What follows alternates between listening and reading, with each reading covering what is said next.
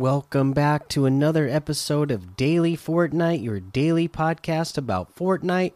I'm your host, Mikey, aka Mike Daddy, aka Magnificent Mikey. And today there's not really a whole lot of news going on, just a little status update for you competitive players or people who are into competitive. They say due to an issue we're disabling boats from tournament playlists, we'll provide you an update once they've been re-enabled.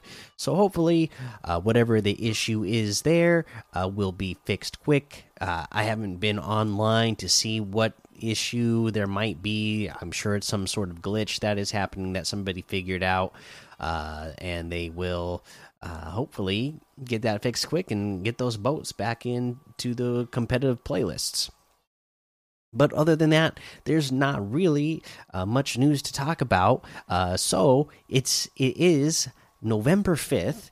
Uh, if we look at the battle pass here, season eight is through December fifth, and I'm sure a lot of you have seen some of the big name content creators uh, out there.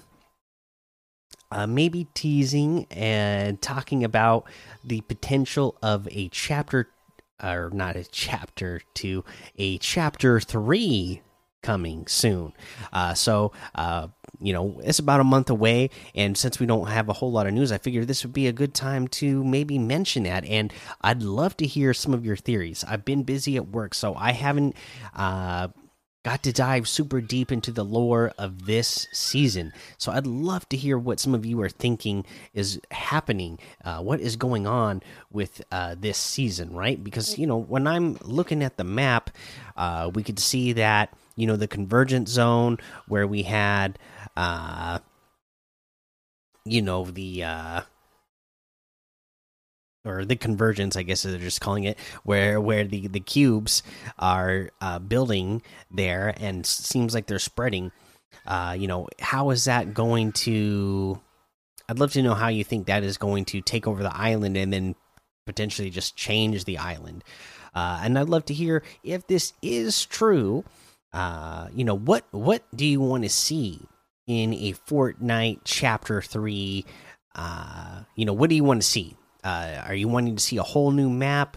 Do you want to see a map with some uh, loca new locations, but some old ones? Do you want to see locations from Chapter One uh, brought back? I'd love to see uh, or hear from you guys and know what you are thinking uh, and what would you get you really excited about at Chapter Three.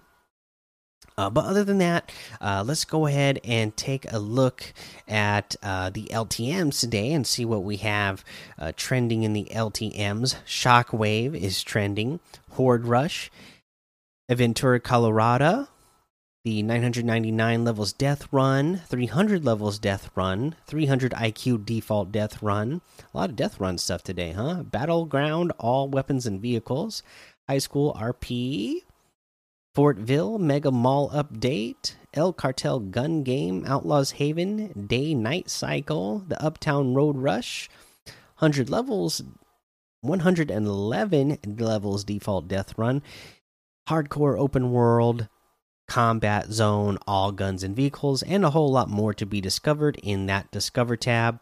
Don't forget about the winter call out and to be working on uh, whatever you might be uh, working on uh, for the next uh, winter call out that they're doing.